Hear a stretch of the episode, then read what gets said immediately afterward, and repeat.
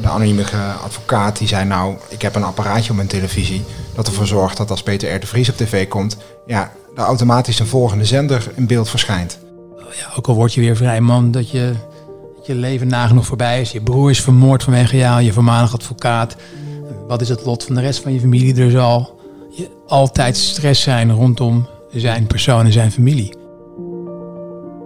Toen advocaat Dirk Wiersum vorig jaar op klaarlichte dag vermoord werd, verscheen hij op het toneel. Maar wie het is, is tot op de dag van vandaag geheim. De anonieme advocaat die een tijd lang kroongetuige Nabil B. bijstond in het Marengo-proces, doet een boekje open over die tijd. Voor achter het verhaal praat ik, Kevin Goes, vandaag met misdaadverslaggevers Jelle Tieneman en Jens Oldekalter. Samen spraken ze met de voormalige advocaat van de kroongetuigen tegen Ridouan Taghi. Jens, Jelle, eh, welkom. Ja, jullie hebben met hem gesproken. Hoe, hoe kom je in contact met iemand die anoniem is? Opbellen. Opbellen. Er staat gewoon als anoniem in jullie telefoon. Ja. Nee, je weet op een gegeven moment wie er achter die anonieme persoon schuilt, om wie het gaat. En daar moet je natuurlijk heel erg uh, voorzichtig mee omgaan. Maar je kan zo iemand wel benaderen en zeggen, joh, uh, wij weten dat jij de anonieme advocaat bent. Overigens had deze advocaat al eens een keer een interview gegeven aan de Telegraaf. Dus er was al mediacontact geweest. En in ja, ons wereldje zingt wel rond wie hij is. Ja, ja dat is... Dat, dat, Even voor de duidelijkheid, ondertussen dat het een hij is, is... Uh, ja, dat is wel, ja, dat is wel bekend. Ja. Nou, dat, dat, uh, dat klopt. Uh, ik heb hem een tijdje geleden benaderd. Ehm, omdat ik eens met hem wilde praten om te vragen nou ja, hoe hij die, hoe die, die tijd heeft beleefd. Maar ook wat er is gebeurd waarom hij niet meer die advocaat is. dus ik heb mezelf eigenlijk uitgenodigd voor een kop koffie. En ja, er kwam eigenlijk nog wel een kop koffie op tafel. We zijn eigenlijk uh, blijven praten. En uh, we zijn ook teruggekomen en nog een keer teruggekomen. En, en uh, ja, daar is een, eh, een interview uitgerold.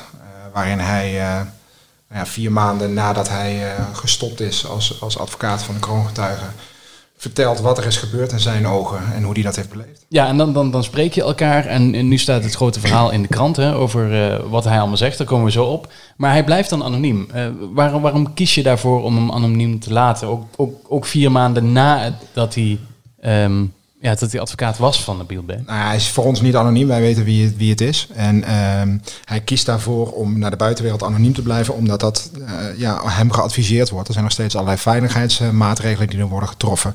Uh, hij heeft ook contact met allerlei mensen binnen de overheid over zijn contacten. Dus het is nog steeds zo dat dat uh, nou ja, hem wordt aangeraden uit, uit veiligheidsoverwegingen. Is die dreiging nog zo groot, Jens? Ja, dat is moeilijk in te schatten. En justitie zal natuurlijk nooit het risico nemen wil zeggen, ah joh, laat maar zitten. Uh, de witte vlag hangt nu, die is nu gehezen. Ga maar weer lekker naar de Albert Heijn toe en roep wie je bent en wat je gedaan hebt de afgelopen maanden. Om vervolgens uh, hem ook tussen de auto's in de straat aan te treffen. Uh, dat risico kunnen ze gewoon echt niet lopen. Willen ze ook niet. want dan is het echt de laatste keer dat er nog een advocaat zich hiertoe bereid zou voelen. Dus um, ja, en nu, nu dit traject voor hem is afgelopen, ja, vindt hij het in ieder geval wijs en justitie ook nog om die anonimiteit voor te laten duren. Dan heeft de justitie wel heel veel geleerd van ja, de vorige advocaat en bijvoorbeeld ook de familie van de kroon. Ja, hoeveel moet je nog leren als dat gebeurt? Ja. Ja, en dan spreken jullie dus samen met hem, eh, met, met zijn anonieme advocaat. Uh, en jullie werken al, al langer samen aan de verhalen rondom uh, Marengo. Uh, hoe hebben jullie elkaar gevonden, Jens? Ja, ik kon niet meer om die kale kop van hem heen in de rechtbank de hele tijd. Er zijn overigens tegenwoordig alle, nagenoeg alle misdaadjournalisten kaal, behalve Mick van Wely.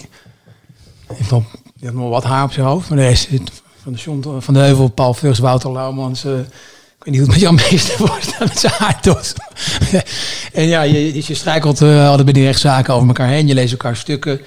En uh, ja, je hebt een steeds meer professionele waardering ook voor elkaar.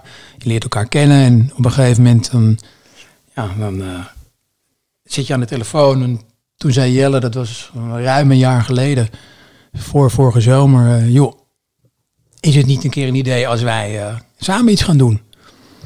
Dus hij overviel me daar een beetje mee. En dan dacht ik, nou, waarom niet? Je ziet dat anderen dat ook doen, in duo's werken.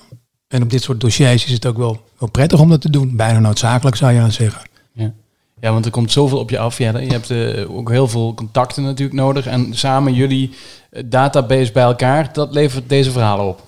Ja, het fijne is dat je, dat je elkaars netwerken uh, op elkaar kan laten aansluiten. En ook nou ja, soms anders kan kijken naar een bepaalde situatie en daar een beetje over kan stoeien.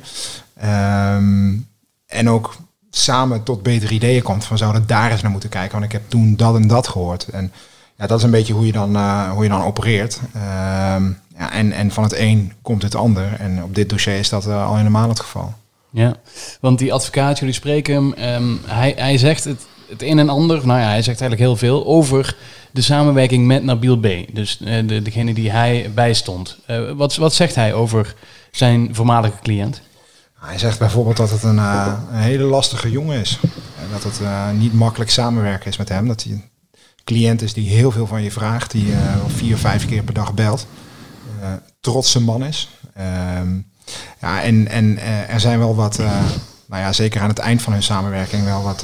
wat een ruis op de lijn. Ja, wat ruis op de lijn gekomen. Ik denk dat we daar aan het eind van het gesprek wel uh, aan toe zullen komen. Um, ik denk dat er ook wel even bij moet worden aangetekend dat de relatie advocaat-kroongetuige per definitie een hele intense is. Daar moet je ook klaar voor zijn en dat weet je van tevoren nooit of je dat bent. Omdat de kroongetuige uh, niemand meer heeft. Die heeft echt geen vrienden meer in het milieu, los van het feit dat hij ze fysiek uh, niet meer kan spreken. Maar niemand wil meer iets met zo iemand te maken hebben, behalve misschien zijn eigen moeder. Um, dus de laatste die je dan hebt om op terug te vallen is je advocaat. Dus ja, die, die ga je dan uh, in die ja, toch redelijk uitzichtloze situatie waar je vermoedelijk in zit, uh, meerdere keren per dag bellen, ja. om hulp vragen, uh, je psychologische problemen bij neerleggen, want die ontstaan er, die gaan hand in hand met het fenomeen kroongetuigen zijn.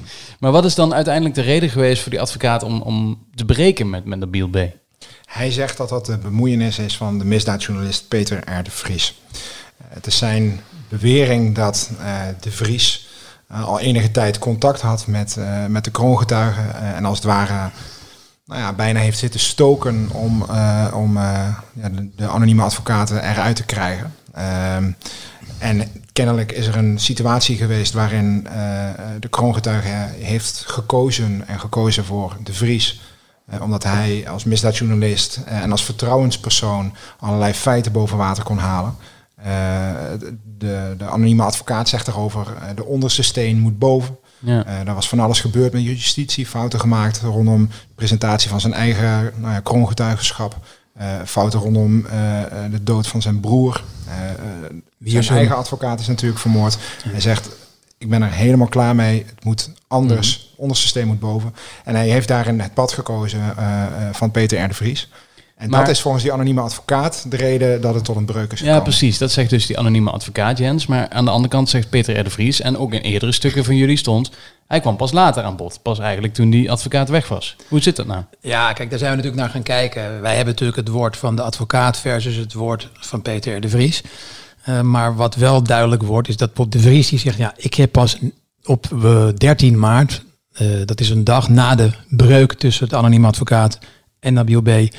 voor het eerst fysiek contact met Nabil B gehad. Nou, dat is natuurlijk te verifiëren en dat neem ik ook direct voor waar aan. Mm. Um, maar de anonieme advocaat verklaart dat hij op, de, op het moment, namelijk een dag eerder, bij justitie van deze breuk melding doet... dat er onder meer door de zaaksofficier wordt gezegd dat zij al op de hoogte zijn van het feit dat Peter R. de Vries veelvuldig contact met Nabil B. had. Dus dat zal dan telefonisch zijn. Ja, ja en daarbij komt ook dat uh, de anonieme advocaat stelt dat in de, de week voor de breuk... dat de kroongetuige bij hem navraag doet naar de Vries. Ja. En dat wordt gezegd, ja, wat, wat, wat vind je nou eigenlijk van, van, van Peter R. de Vries?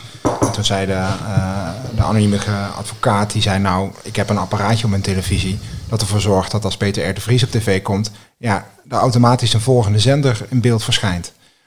Ja, dat, hè, dan weet je direct ook de dynamiek tussen, ja. tussen deze twee personen die elkaar uh, ook wel kennen. Dat mag duidelijk zijn. Ja, ze kennen elkaar uit het verleden. En het is duidelijk dat dat ja, niet heel soepel tussen hun loopt. Dus dat is ook wel belangrijk om even aan te tekenen. Uh, ja, dat precies. Er, er kan van, er kan niet alleen maar. Ja, er kan misschien wel wat oud zeer ja, zitten. Ja, dat is natuurlijk moeilijk in te schatten. En wij ja, beseffen natuurlijk heus wel dat.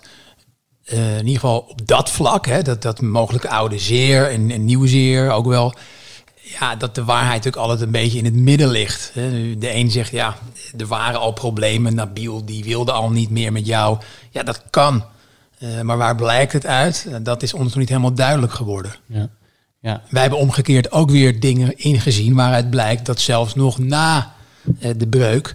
Ehm, dat er communicatie is tussen de anonieme advocaat en eh, mensen rondom Nabil B. Ja, waarvan je kan zeggen, oké, als dat drie weken na die breuk op die manier wordt gecommuniceerd, dan, dan vinden die elkaar niet echt hele grote klootzak in ieder geval. Want die situatie rondom Nabil B, hè, hij is nog altijd de kroongetuige. Um, Ja. Hij spreekt nu ook weer, hè, want hij heeft een nieuwe advocaat sinds eh, deze week. Ja. Ehm, hoe is zijn situatie nu? Hij zit dus in een cel ergens. Ja. Wat, wa- wa- kun je dat omschrijven? Hoe zit hij erbij? Ja, ik heb, hem, ik heb hem nooit ontmoet daar. Ik denk dat het niet anders kan worden omschreven als KUT. Hoe hij, eh, hij moet nog een hele tijd op basis van zijn deal die hij met justitie heeft gemaakt in de gevangenis zitten. Weliswaar de helft van wat hij normaal voor de, hem, de hem te lastig gelegde feiten ehm, zou moeten zitten. Maar nog steeds is dat een hele lange tijd. Eh, dus dat is al niet prettig. Maar daarnaast weet je ook gewoon dat, ja, ook al word je weer vrij man, dat je, dat je leven nagenoeg voorbij is. Je broer is vermoord vanwege jou, je voormalig advocaat. Wat is het lot van de rest van je familie? Er zal je altijd stress zijn rondom zijn persoon en zijn familie. Ja. En dat weet je dat dat op jouw schouders ligt. Dat lijkt me niet een prettige manier om mee naar bed te gaan. Maar Jelle, eh, de, de man tegen wie hij het meeste moet gaan getuigen, Ridouan Taghi, die zit nu ook vast. Eh, brengt dat schot in de zaak?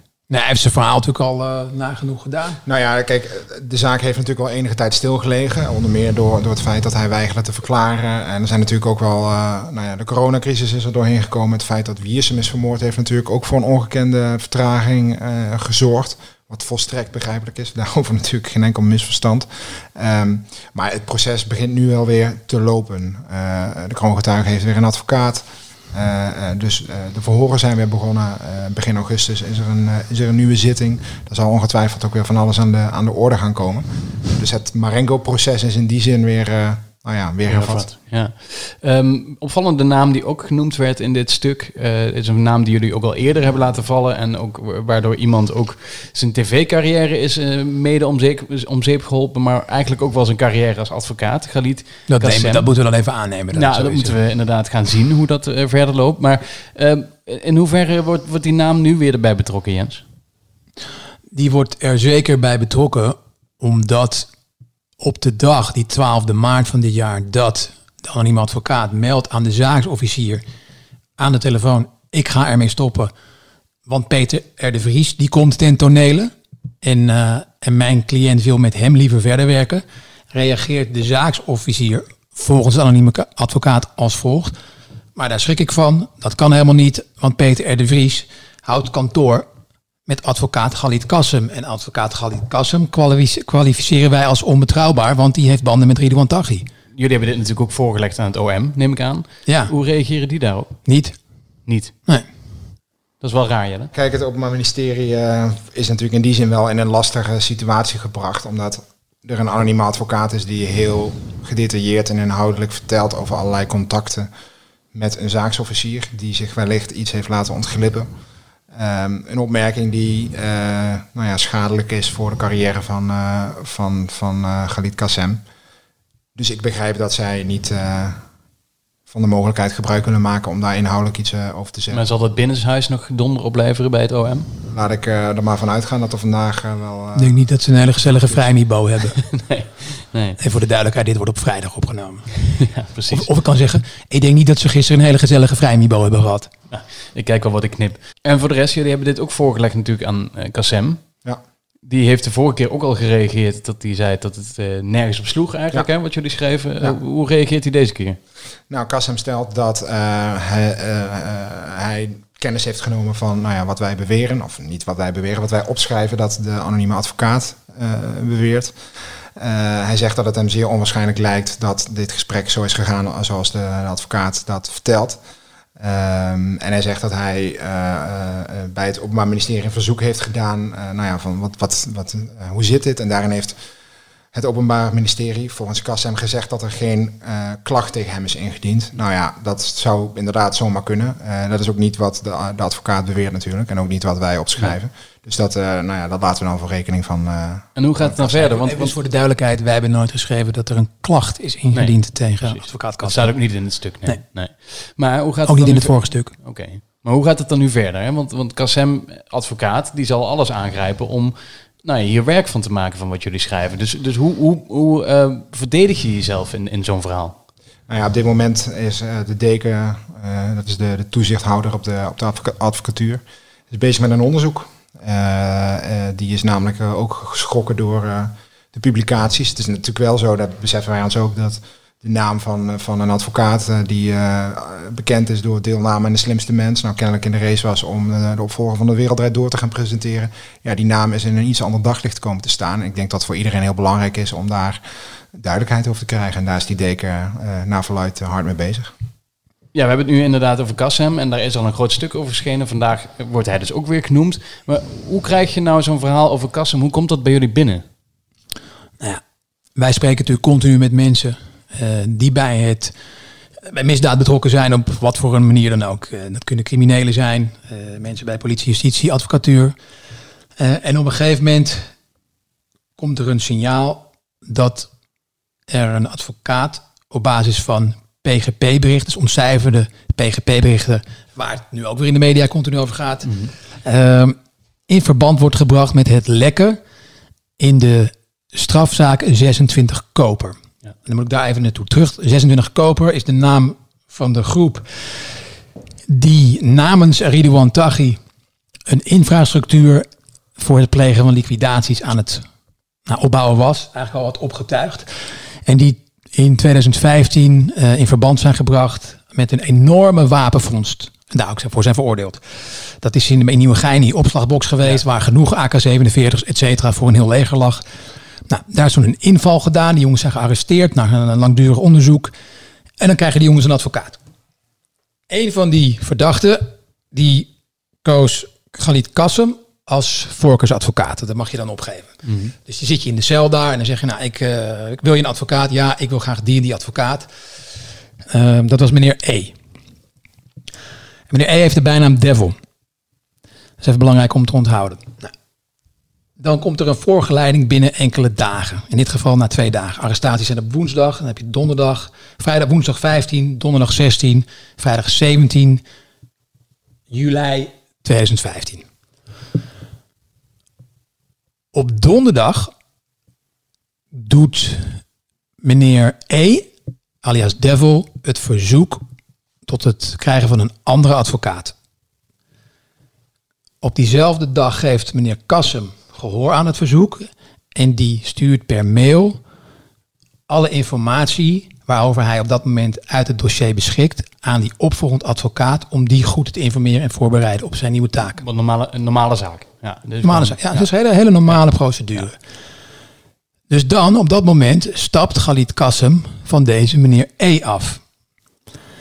Hij houdt nog wel, en dat is even belangrijk om te weten, uh, meneer A, een andere verdachte, als cliënt in dezelfde zaak. Is weliswaar een kleinere vis, maar nog steeds heeft hij dus een cliënt in die zaak. Dus op de dag dat, op die vrijdag daarop, een dag later, dat de verdachten aan de rechtercommissaris worden voorgeleid en worden verhoord, zit hij er nog steeds bij. En krijgt hij ook kennis van alles wat daar wordt besproken. Nu blijkt, achteraf uit PGP-berichten, dat Ridwan Taghi, dat kan justitie herleiden, in die dagen volledig in paniek is. Want zijn moordcommando is ontmanteld, is opgepakt, zit achter de tralies. En hij wil weten wat er aan de hand is, wat de status is, wie er opgepakt zijn, wat de verdenkingen zijn, wat de kennis is van justitie op dat moment. Uh, om daarvoor eventueel mee te schipperen. Nog in te grijpen waar hij dat kan. Diezelfde middag krijgt Ridwan Taghi een chatbericht van meneer Zakaria LH. En deze meneer LH, die communiceert aan Taghi. Jelle, help even mee. In dat berichtje vertelt Zakaria precies wat de, de aard van het onderzoek is, wat de politie gevonden heeft, maar ook hoe ze de groep op het spoor zijn gekomen. Maar hij zegt er nog iets heel belangrijks voor. Hij zegt, ik ben bij de jongen die Devil helpt geweest, het broertje van Moussa. Mm nou, politie en justitie zijn ervan overtuigd dat het niemand anders kan zijn dan Khalid Kassem. En als je de mal eroverheen gaat leggen, dan is het ook zo dat uh, er geen andere advocaten zijn uh, die hierbij betrokken zijn, uh, die een broer hebben die Moussa heet. Nou, Khalid Kassem heeft een, heeft een broer die Moussa heet. Dus zij trekken die conclusie dat zij daar echt van overtuigd zijn dat, dat hij dit is. Um, ja, en dat hebben wij meneer Kassem natuurlijk ook voorgelegd. En daar wil hij eigenlijk inhoudelijk niet op ingaan. Hij ontkent, ten stelligste.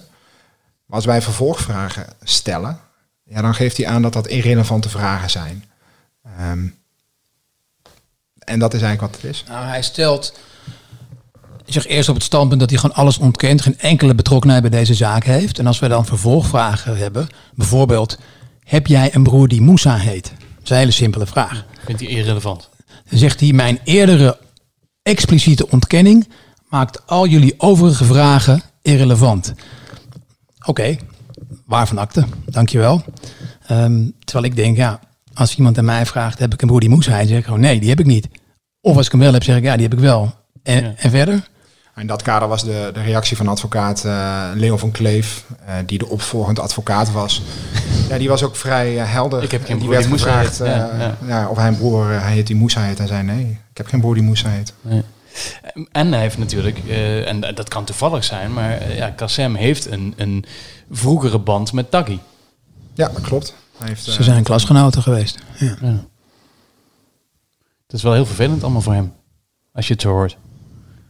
Ja, dat klopt. Het is heel vervelend. Nou, kijk, Kassem, die niet alleen is hij klasgenoot geweest, maar hij schermt zelf in een interview met de Volkskrant en het Parool meer met uh, dingetjes, akkefietjes uit zijn jeugd. Maar daar moeten we verder niet te veel belang aan hechten wat, het, wat die akkefietjes dan zijn geweest. Maar er zijn wel mensen die hem in die jeugd wel in die groep van, van Tachi plaatsen. Dat is helemaal verder niet zo'n probleem. Ik bedoel, iedereen kan in zijn jeugd, op zijn 14 en 15 iets, iets geks doen of bij een groep horen. En later als hij, als hij 16, 17, 18 wordt, denkt nou, misschien moet ik eens eventjes een uh, ander pad kiezen. Maar het, het sluit wel aan bij de gedachte dat daar banden zijn die misschien iets verder gaan dan alleen bij elkaar in de klas hebben gezeten. Ja. Is daar vanuit Nabil B. ooit iets over gezegd? Weet je dat, Jelle? Nou, Nabil B. heeft daar, en dan uh, verwijzen we weer naar het interview, uh, volgens de anonieme advocaat over gezegd ja, dat er wel wat gedoe was uh, met, met Kassem. Um, de anonieme advocaat zegt ook, ja, hij was altijd wel een beetje aan het uitvragen wat ik daarover wist. En hij zei, ja, door die manier van vragen en ook een verhaal dat hij vertelde, daar kreeg ik veel sterk de indruk dat daar, dat daar echt wel meer dat was. daar pijn zat. Ja. Dat die Kassem ook, ook bekend was bij Nabil B. in ieder geval. Zeker. Ja. ja, ja. Uh, nu is dit verhaal gepubliceerd. Het is, het is los. Um, ja, wat, wat verwacht je uh, voor reacties hierop, uh, Jelle? Ja, dat is natuurlijk altijd moeilijk te zeggen. Nou, wat ik in ieder geval wel denk te kunnen voorspellen is dat allerlei mensen die betrokken zijn bij dit Marengo-proces dit interview zeer aandachtig zullen lezen. Er zitten een aantal nou ja, anekdotes in, beweringen van de anonieme advocaat, uh, die nog wel eens nou ja, gevolgen kunnen hebben voor de, de rest van het strafproces. Het gaat bijvoorbeeld over een, uh, een iPhone die in het bezit zou zijn geweest van, van de kroongetuigen. we weten niet wanneer, maar mogelijk zit daar informatie in. Die belastend kan zijn voor hemzelf of voor Ridwan Taghi of voor anderen. Of, on, of ontlastend. Dat weten we allemaal niet. Feit is dat, dat hij heel erg gehecht was uh, aan het feit of, of om, om, dat apparaat terug te krijgen. En dat heeft hij niet gekregen. En daar, daar, dat, dat zegt dat hij daar, nou ja, dat hij, dat, dat hij dus in ieder geval niet wilde dat dat apparaat bij het Openbaar Ministerie terecht kwam. En hij heeft daar ook niet de waarheid over gesproken in, in verhoren bij de rechtercommissaris. Um, dus dat, dat heeft mogelijk allerlei implicaties. Ik kan onmogelijk voor een voorspelling doen over welke. Maar ja, laat ik het zo zeggen. Het zal zeker een rimpeling uh, veroorzaken. De verdediging van de andere verdachten, die zullen hier uh, handenwrijvend uh, dit bericht in ontvangst nemen. Ja. ja, je hebt inderdaad, we hebben die anonieme advocaat dan in de krant. zijn verhaal. Um, ben je niet bang dat er, dat er heel veel mensen komen die dat nu helemaal gaan weerleggen? Dat het, dat het gewoon helemaal onderuit gehaald wordt? Wat heel belangrijk is om te zeggen is dat deze anonieme advocaat is ingehuurd door de staat der Nederlanden. Uh, nou, dat gebeurt niet zomaar. Dat zal, uh, niet, nou ja, het zal jou niet gebeuren. dus dat zegt al iets over nou ja, de, de, de, reputatie van deze man. Ehm, maar hij heeft er ook iets anders gedaan. Hij heeft ehm, zijn verklaring, als het gaat om de bewering rondom Galit Kassemme, wat de zaaksofficier daarover gezegd heeft, onder Ede vastgelegd bij de notaris. Nou, dat doe je alleen als je weet dat je naar volle overtuiging de waarheid spreekt. Ja. Uh, ik denk dat dat een heel sterke onderbouwing is van het feit wat hij heeft gezegd. Want je loopt daarmee ook het risico dat als je aantoonbaar niet de waarheid spreekt, dat je gaat worden vervolgd, strafrechtelijk. Wat het nog meer doet, is dat het de anonieme advocaat, die wij om reden van veiligheid anoniem opvoeren, controleerbaar en verifieerbaar maken. Want zijn identiteit is dan vastgesteld. Er wordt gecheckt of hij is wie hij is. Of hij staat ingeschreven als advocaat, et cetera. Uh, dus daar is geen twijfel over mogelijk. En hij kan ook bewijzen dat hij op basis van een contract uh, echt de daadwerkelijke advocaat van de kroongetuige is geweest. Onder Ede daar dat verklaart wat hij ook bij ons in de krant zegt. Ja, vind er dan maar van wat je vindt. Ja, wij sluiten eigenlijk de laatste tijd altijd af met, met een beetje de opmerking van... er zal vast nog wel meer komen. Nou, ik denk uh, dat we hier op korte termijn weer zitten. nou, dan uh, jullie weten het te vinden inmiddels. Komt helemaal goed. Ja. Dankjewel Jens Oltekalter ook. Uh, Graag gedaan. Jelle Tieleman, dankjewel. Volgende week zijn wij er gewoon weer met een nieuwe Achter het Verhaal. Tot dan.